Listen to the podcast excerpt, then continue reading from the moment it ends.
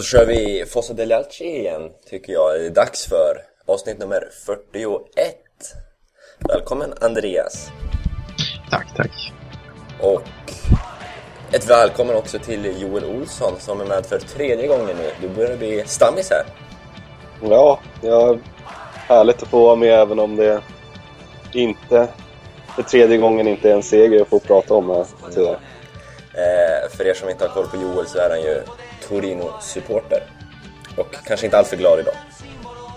Nej, de 88 första minuterna är jag glad över, sen vet jag inte vad som händer. Eh, dagens avsnitt blir ju såklart om eh, gårdagens match. Men så försöker vi väl blicka lite framåt mot Celtic som vi lirar mot i veckan också. Och pratar om eh, sjukstugan som vi sitter inne på i dagsläget.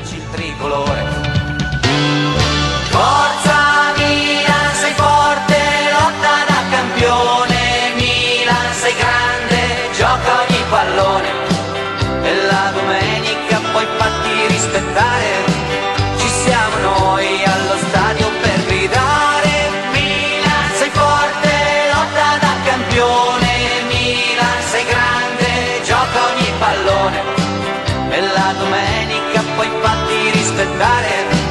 Ci siamo noi allo stadio per gridare. Som sagt, gårdagens match. 2-2 blev det till slut Andreas. Hur eh, glad är du över att vi fick med oss en poäng? Ja, inte speciellt.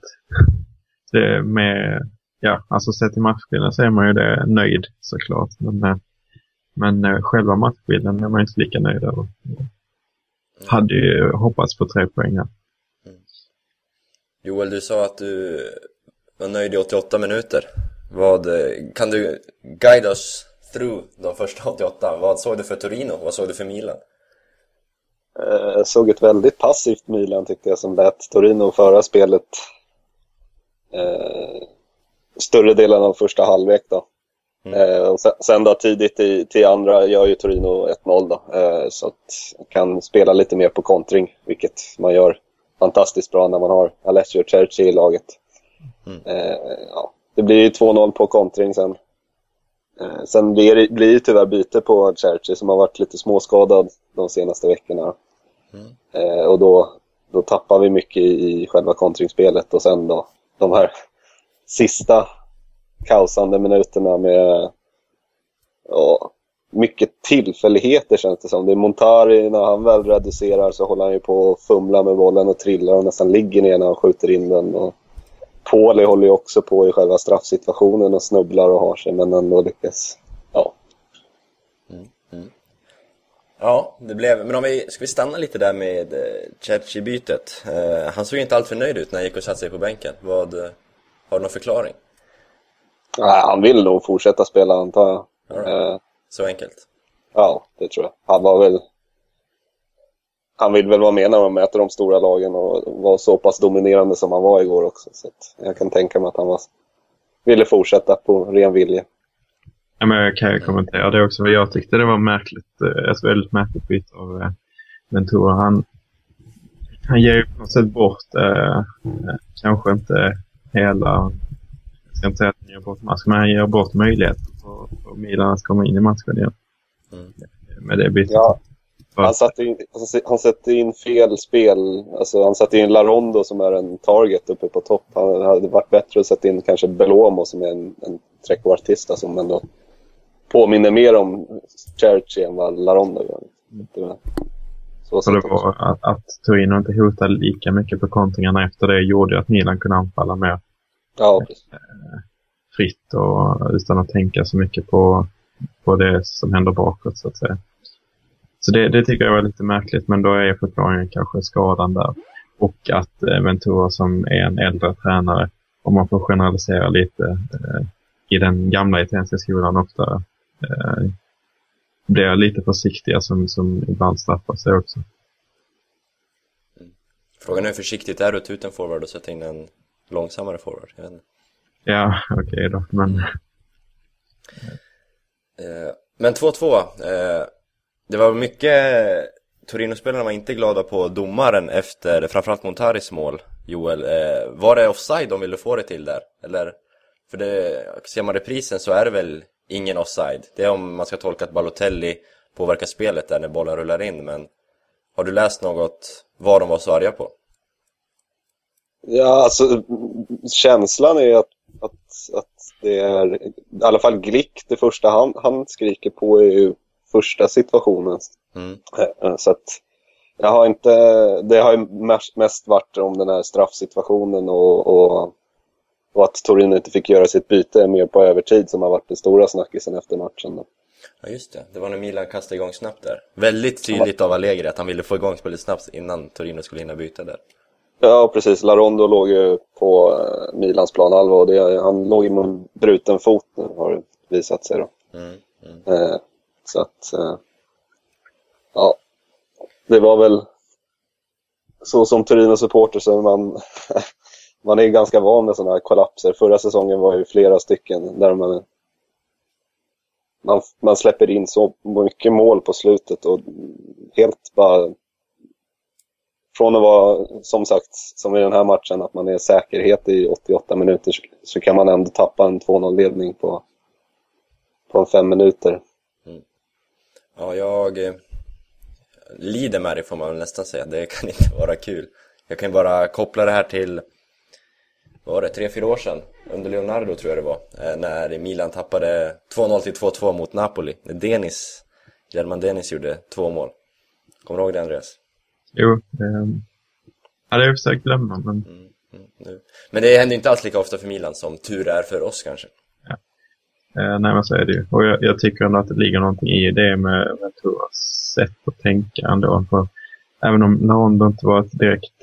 Alltså, han är också en offensiv pjäs, men det skickar ändå signaler till laget, jag tycka, samtidigt som att allting handlar inte om egenskaper på spelare som byter in, byts in, utan det handlar om hur laget beter sig i en helhet. Och man gav bort initiativ och det kanske man har sett tidigare, det vet ju Joel bättre, men Eh, Det kan ju vara ett generellt drag som gör att man tappar i, i slutet. Mm. Eh, Allegri fick ju en, en hel del kritik efter den här matchen. Andreas, både du och jag har ju hållit Allegri relativt högt de senaste åren, får vi väl nästan kalla det för. Mm. Vad tycker du om hans insats igår? Nej, det är. Milan spelar ju väldigt, väldigt dåligt. Så då, då, det är klart att han är ansvarig för det. Så det är inte så att jag tycker att man ska avgå eller sånt för att han, han gör en dålig match. Men, eh, eller flera dåliga matcher. Men eh, jag kan ju tycka att laguttagningen i stora hela var, var rätt så... Ja, jag hade valt samma dag. Kanske med Matri som jag kan ställa mig frågan att han inte startade.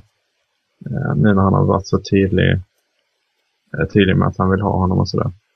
Men visst, han är, han är ny och sådär så det är kanske inte så jättemärkligt. Men Paul- Pauli startar på bänken trots att han nästan gång på gång är bland de bästa när han kommer in ja, jo så är det. Men sen så har vi Montolivo som är kapten. Mm, jo, Eh, det är mer Montari som är... Jag, jag förstår att du var inne på Montari, men jag tyckte han var bland de bättre igår ändå. Eh, Så, så jag kan inte förstå riktigt den eh, kritiken i så fall. Eh, Jag vet ju att väldigt många ser Polly hellre än eh, Montari. Och det kanske jag gör också i vissa lägen, men Montari spelar väldigt bra och då tycker jag, eller spelade bland, bland de bättre tyckte jag. Då är det konstigt att kritisera just det tycker jag. Eh, sen så kan det ju bara vara så att han gjorde en eh, turnover helt enkelt och vilade Polly till Champions League. Mm. Eller det var det som var tanken. Ja, möjligt. Det är svårt att, svårt att veta. Och det går inte att veta nu om det, om det blir skadad. Liksom. Men, Nej, precis. Vi kommer in på det sen. Eh, Joel, vad tycker du om eh, Allegri? Och hans ja, coachande under gårdagen, men också stort över, över tid. Ja, igår alltså. Det var ju konstiga laguttagningar. Man såg ju ganska direkt när Matri kom in att han, han och Balotelli hittade varandra eh, nästan omgående med flera fina skarvningar och sånt där. Och Robinho vet jag inte vad han egentligen gör på fotbollsplanen. Han springer ju bara runt för sig själv. Och, och sen eh, För att Torinos backlinje har ju kanske varit, en, haft varit väldigt, väldigt svag här i inledningen och, och gjort väldigt mycket misstag. Och det var ingenting som eh, Milan satte press på utan under kanske hela första halvleken så försökte ni, ni gång på gång anfalla centralt där Torino var väldigt tjockt. Mm. Och det försökte vara skarvningar och det, men det var ingenting med att försöka via någon annan väg så att det var ju helt, helt fel matchplan. Mm. Spelet blir ju väldigt centrerat nu när vi har bytt formation. Mm. Ja. Och kanske nu när vi inte hade en Abate på högerkanten som följde med. Vi hade Sacardo som inte alls är samma hot, även om Abate kanske inte är det största farliga hotet så, men han är ändå med längst uppe allt som oftast. Men jo, då så är det ju, även om Sacardo följer med henne. Och det är ju det som är tanken är att ytterbackarna ska fylla upp väldigt mycket, kanske i synnerhet Emanuelsson som har de egenskaperna. Eh, men så, så är det, det är svårt att kritisera Allegri på just att vi spelar 4-3-1-2 för det är ju ett strikt direktiv från, eh, från Berlusconi att vi ska spela om två centrala anfallare eh, och en, och en trekvartist där bakom helst. Så det, det är svårt att, att klandra honom på det. Eh, kan jag tycka. Det ja, men visst, eh, det, om man ska kritisera honom för någonting, eh, eller man kan kritisera för flera grejer, men att Matri inte startade tyckte jag var märkligt. Så att man tyckte, jag tyckte att de Balotelli och Matri eh, kombinerade rätt så fint. Och om de hade spelat en hel match så hade det säkert blivit eh, en eller två baljor. Mm. Eh, Kaka tillbaks, fick starta, fick på sig kaptensbindeln efter att Montolivo utgick skadad. Mm. Uh, pallade 70 minuter innan han superspelaren Walter Birsa ersatte. Mm. Vad, eh, Andreas, vad eh, tyckte du om Kakas riktiga comeback? Jag tyckte väl att han, han var okej okay utifrån, uh, utifrån de krav eller de förväntningar jag har på honom. Alltså att inte att han ska vara den spelaren som är avgörande utan att han funkar som en, eh, som en, eh, en funktionell länk mellan mittfält och anfall. Eh, och han, han är liksom inte perfekt direkt utan han kommer ju ha, det kommer ju ta ett tag innan han, han acklimatiserar sig fullt ut och sådär. Men, men jag tyckte ändå man såg att han har de egenskaperna som gör att han kommer att kunna passa rätt bra i den rollen. Slå passningar vid rätt tillfälle och, och sådana grejer. Jag tror att han blir giftig i ett kontringsspel och sånt där. Som vi är ganska sugna på att spela. Joel, blev du rädd när Kaká fick bollen på offensiv planhalva igår? Ja, det, såklart man ble, blev det. Man vet ju vad han har för, för kapacitet, så att säga. Men han, han hade ju vissa, vissa grejer som var bra och sådär, men han blev ganska... Torino-spelarna låg bra på honom där på mitten, så att han fick inte så mycket yta som han behöver eh, när han är som bäst. Mm. Vad bra. Eh, men eh, pallade 70 minuter, sen kom Walter Birsa in på plan.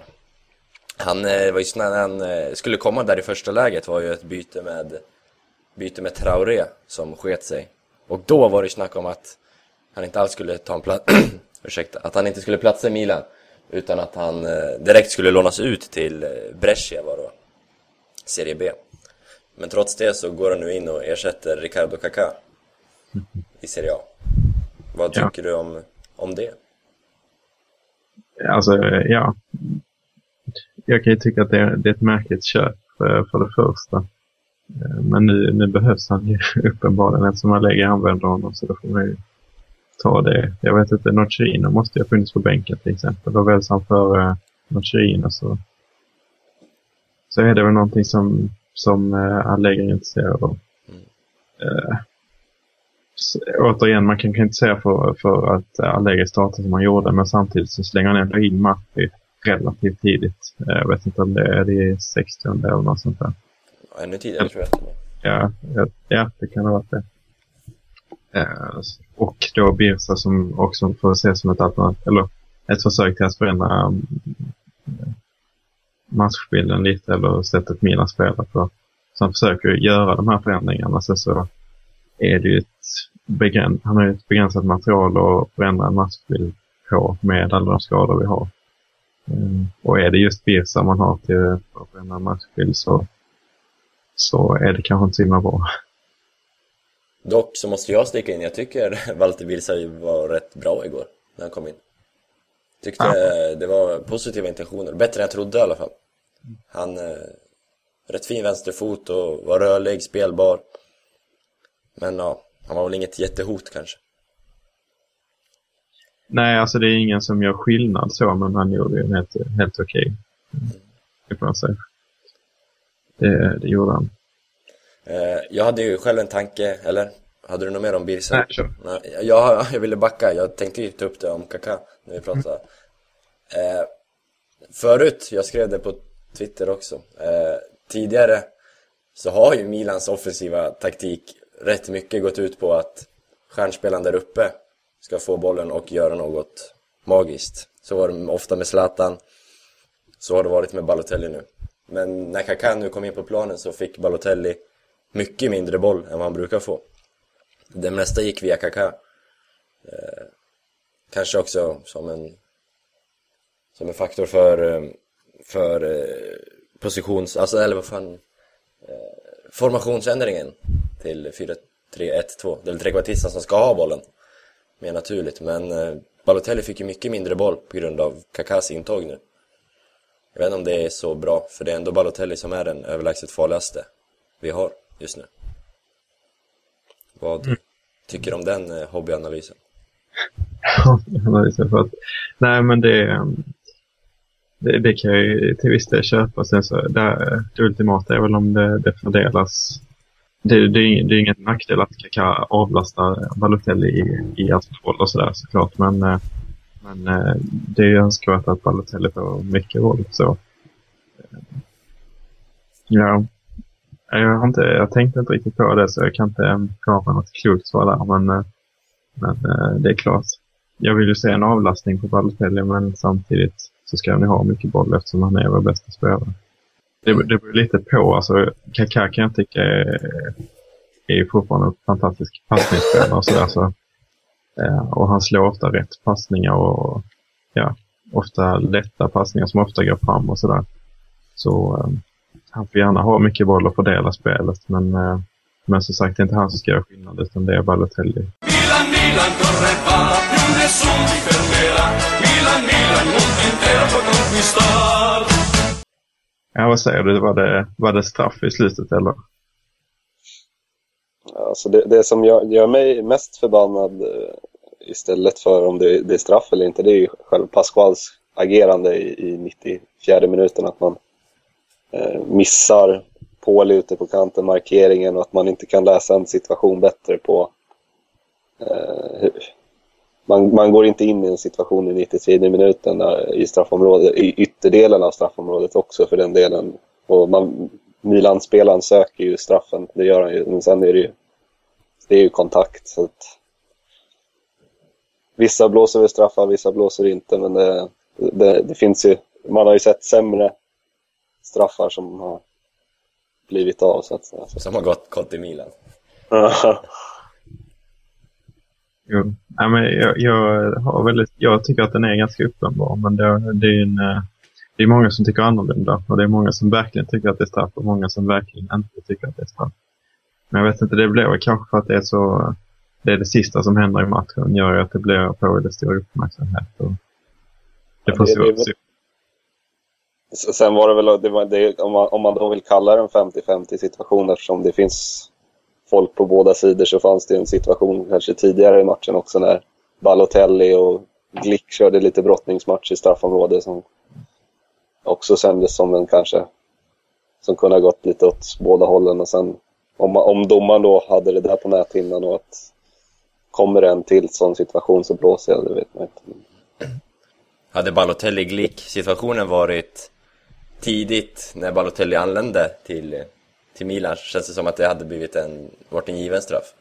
Eh, han fick lite sådana situationer med sig då. Nu men har vi hela den här Siena-matchen i, har domarkåren snackat om såklart och, och så vidare. Så det känns som att Balotelli kommer vinkas upp mer på dylika situationer.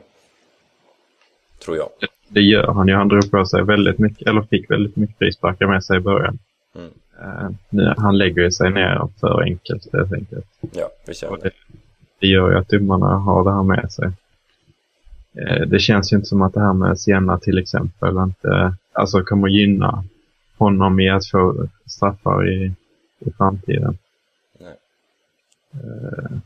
Eh, det- det är lite tur att det, det gynnar ju Milan på så sätt att eller, jag tror inte att Milan får mer straffar för att vi fick det mot Siena, men vi genom att få straffen mot Siena till exempel så, så får man eh, bilden av att Milan är ett storlag ändå som får straffar med sig om de behöver det och sådär. Så det är, ja, det, det är lite tudelat. Men eh, det är ju en, en eh, man får ändå kalla det storlagsstraff då. Men samtidigt så, så kan jag som sagt inte eh, se hur det inte är straff. Så, eh, jag hade väldigt gärna hört vad en domare hade sagt om den här situationen. Mm. Ja. Ja, nej, jag... I och med att det är så eh, som väldigt vattendelare. Liksom. Ja, för mig är den också solklar. Jag försöker se det med så neutrala ögon som möjligt. Ja, Jag skrev också en matchrapport på Solo Calcio där jag hyllade domaren. Det var ju inte allt för populärt bland alla kanske. Med tanke på att jag är färgad, men jag ser... Jag tycker den är så klar så att det inte finns något klarare. Men ja, som sagt, jag är ju... Det är, det är delat, delat vatten om den situationen. jag tycker ändå att Polly liksom, han sträcker ju ut sig för att han kommer från, eh, det är ju precis att han når bollen ändå. Eh, men han är ju uppenbarligen först eh, i, eh, i situationen och sen så kommer, eh, kommer Pasquale in då eh, och hugger honom. Jag tycker inte att Polly heller slår ifrån sig bollen så pass långt att, att han inte har kontroll över den. Eh, så att nej, jag, jag har svårt att se hur det inte kan vara det. Men sen eh, visst, det är klart han söker den, men att man söker straff är ju ingen liksom, kontraindikation för att det ska vara straff. Eh, egentligen.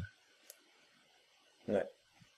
Eh, man kan ju tycka att man inte bör söka straffar, men man vill ju ha fördelar för sitt lag. Och, eh, som Joel säger så är det ju väldigt, väldigt korkat agerande kan jag ju tycka.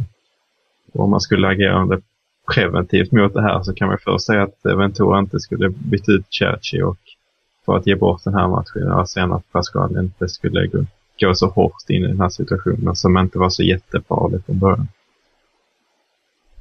Mm. Ventura kanske inte skulle byta in Pascal alls.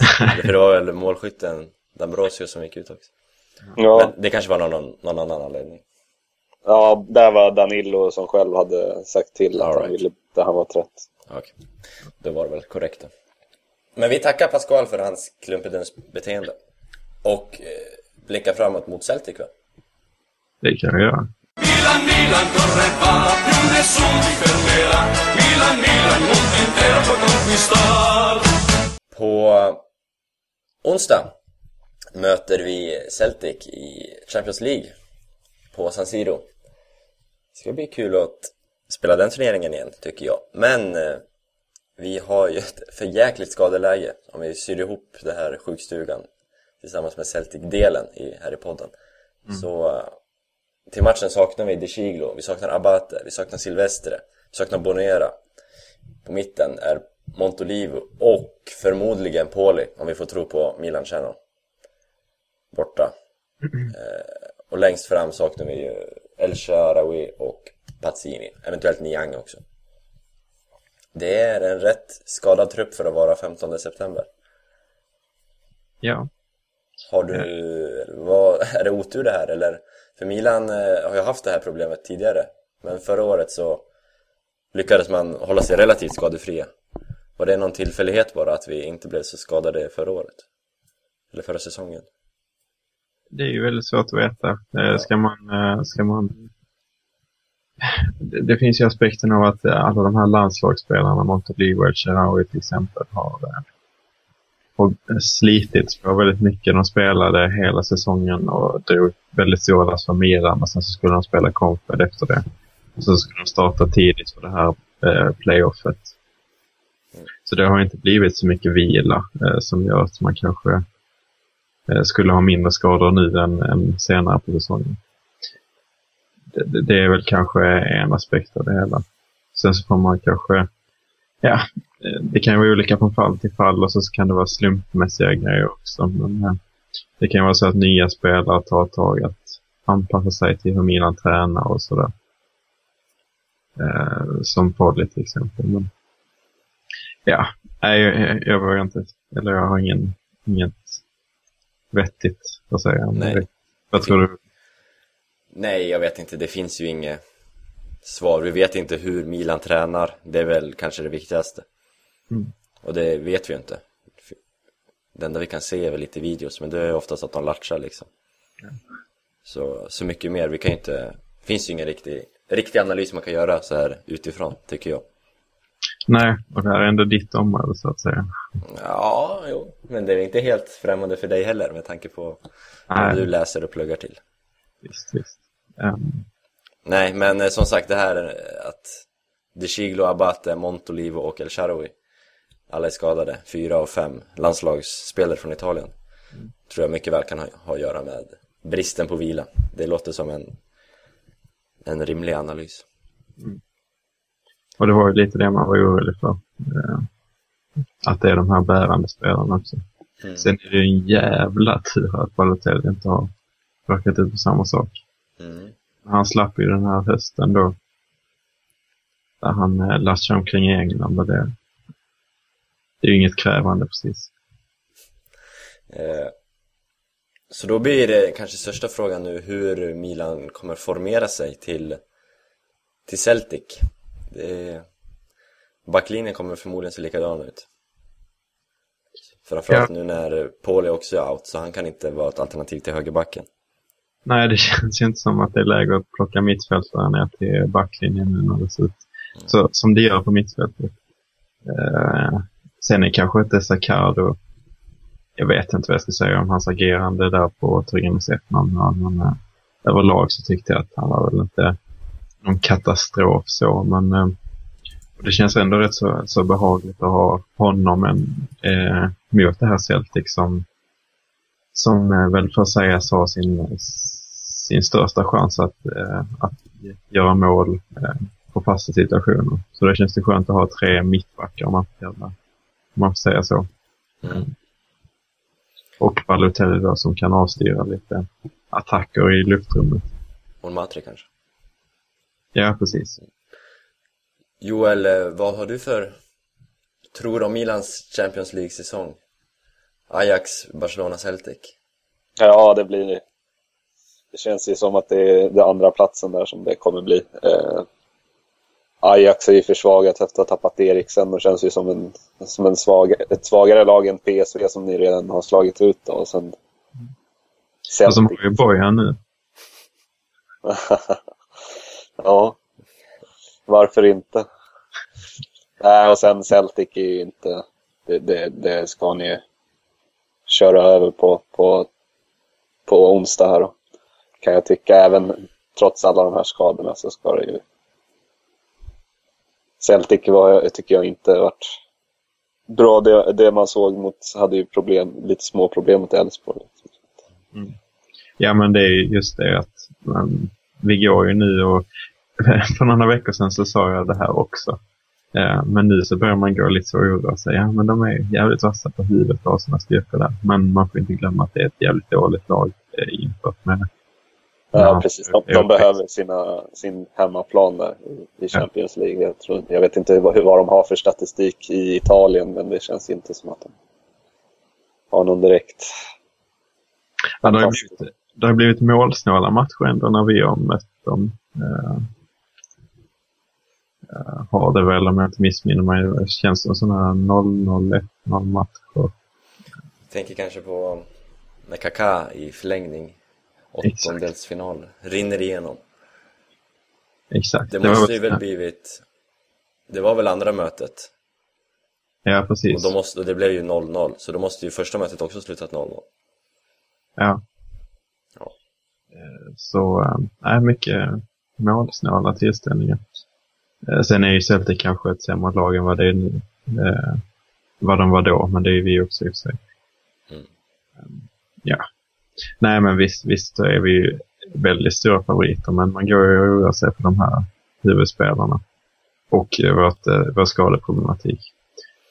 Men eh, ja, vi har i alla fall eh, de Jong på mitten som gjorde det bra med Torino tycker jag. Och, eh, och då tre starka huvudspelare på, i backlinjen så, som kan avstyra lite, eh, lite tuff eh, fysik på, på mitten då respektive hörnor och inläggssituationer. Största frågan för mig är ju hur mittfältet formeras utan Montolivo.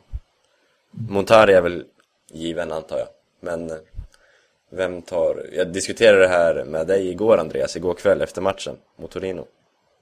Och jag slängde upp alternativen, jag slängde upp Konstant, eller Urby, och den andra körde då vänsterback. Eh, vad sa jag mer? Cristante, Birsa, och då glömde jag ju såklart bort Nocerino.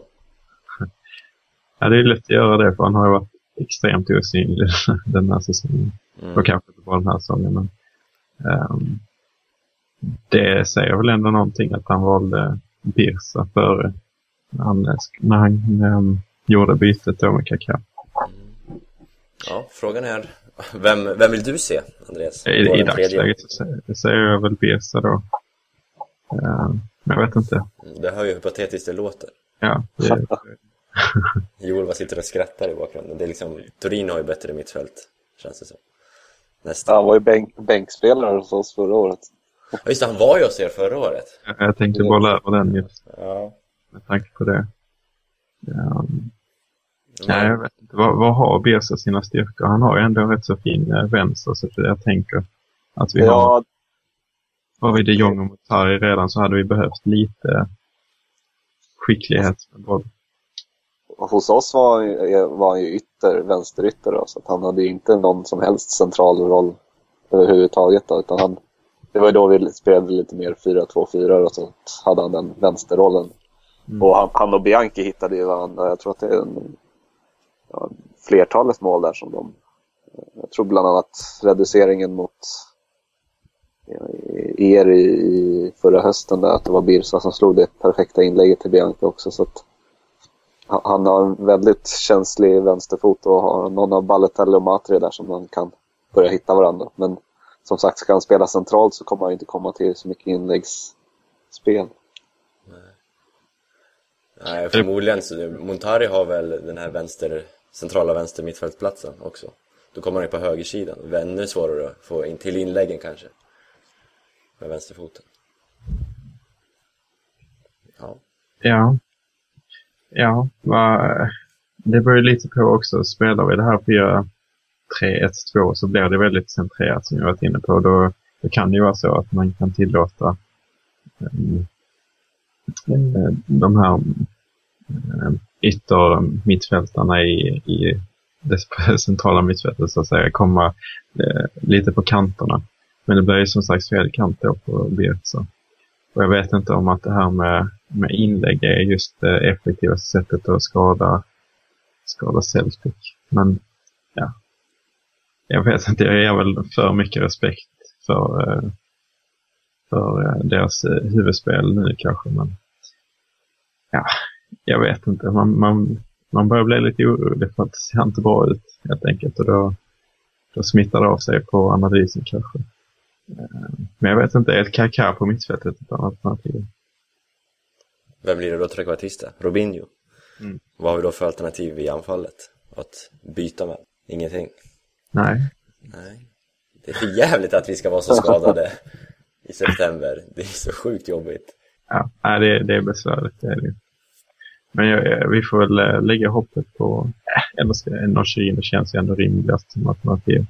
Ja, förmodligen så blir det Nocerino med tanke på att det är Champions och att Nocerino är Nocerino. Och Allegri är Allegri. Men, Jo, men det känns ju ändå rimligt. ja. Eh, Sett till alternativ. Ja, Så, ja. får- så får Birsa vara game changer igen. Om det skulle lå- låsa sig. Eller konstant. Ja, Komma in och riva upp stora sår. Ja fy fan. Milan, Milan corre va, più nessuno ti fermerà. Milan, Milan, il mondo intero può conquistar. Vad, vad tror du om eh, Ogbonna i Juve? Jag vill inte prata om det nu.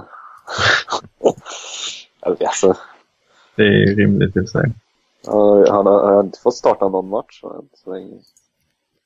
Nej, som jag ska plocka ut någon eh, värvning som...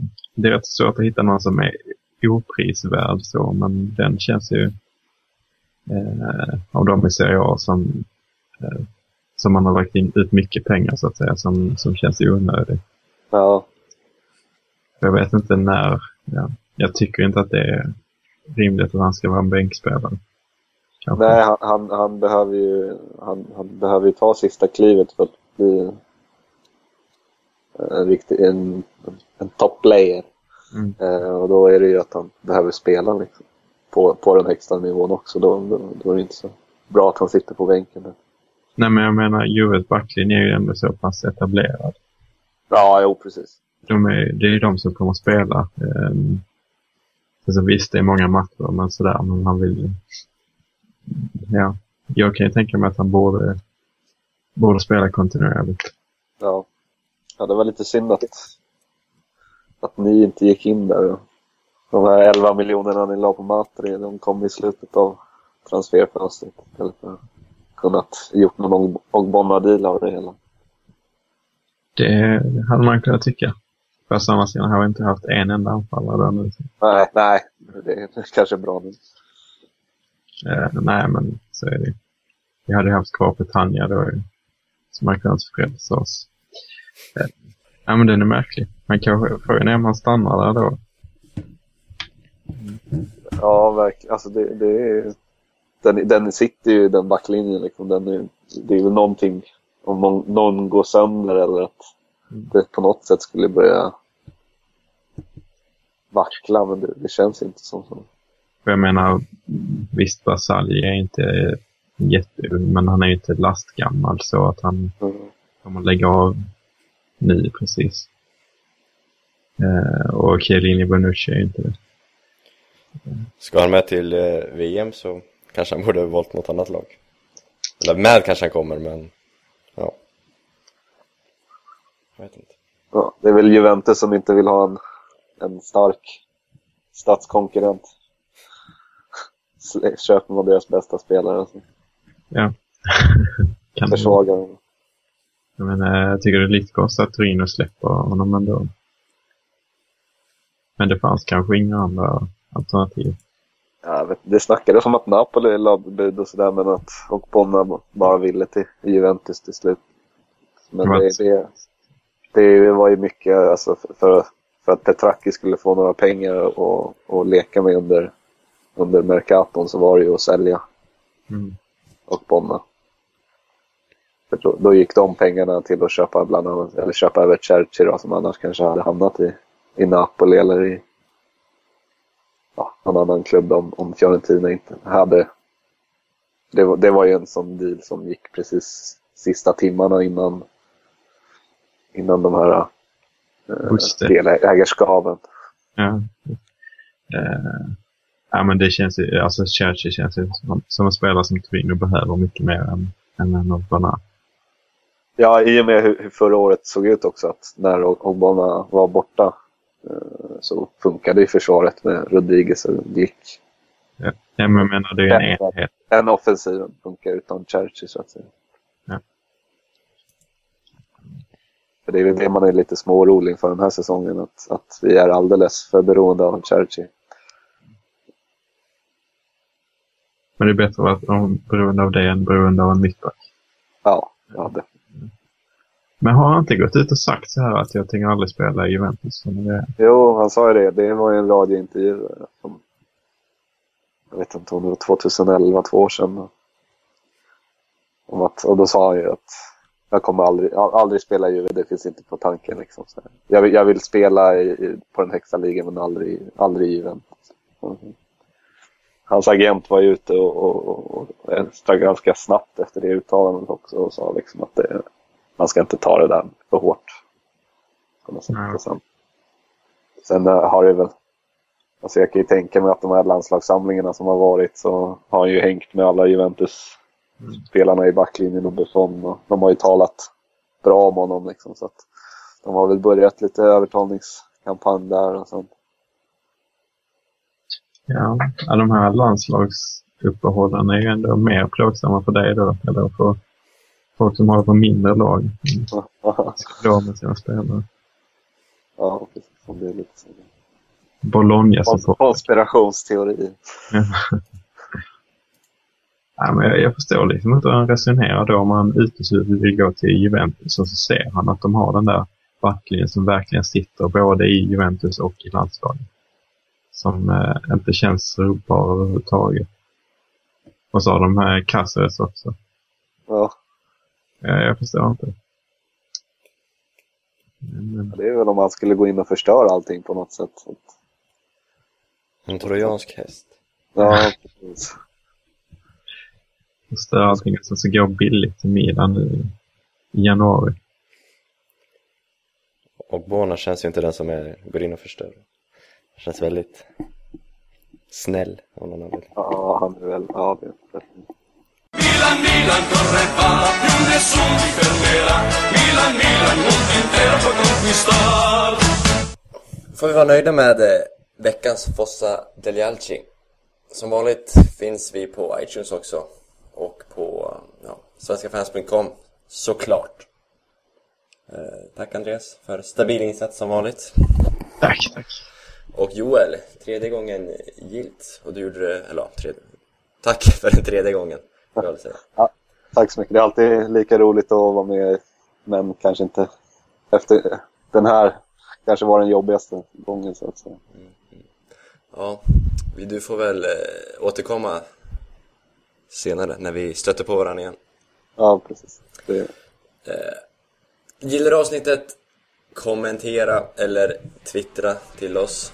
Joel finns också på Twitter. Eller släng med en länk till hans konto om ni inte hittar det själva. Ni borde hitta det själva. Eh, tills dess, så ha det så bra och hej då! Ciao! Hej.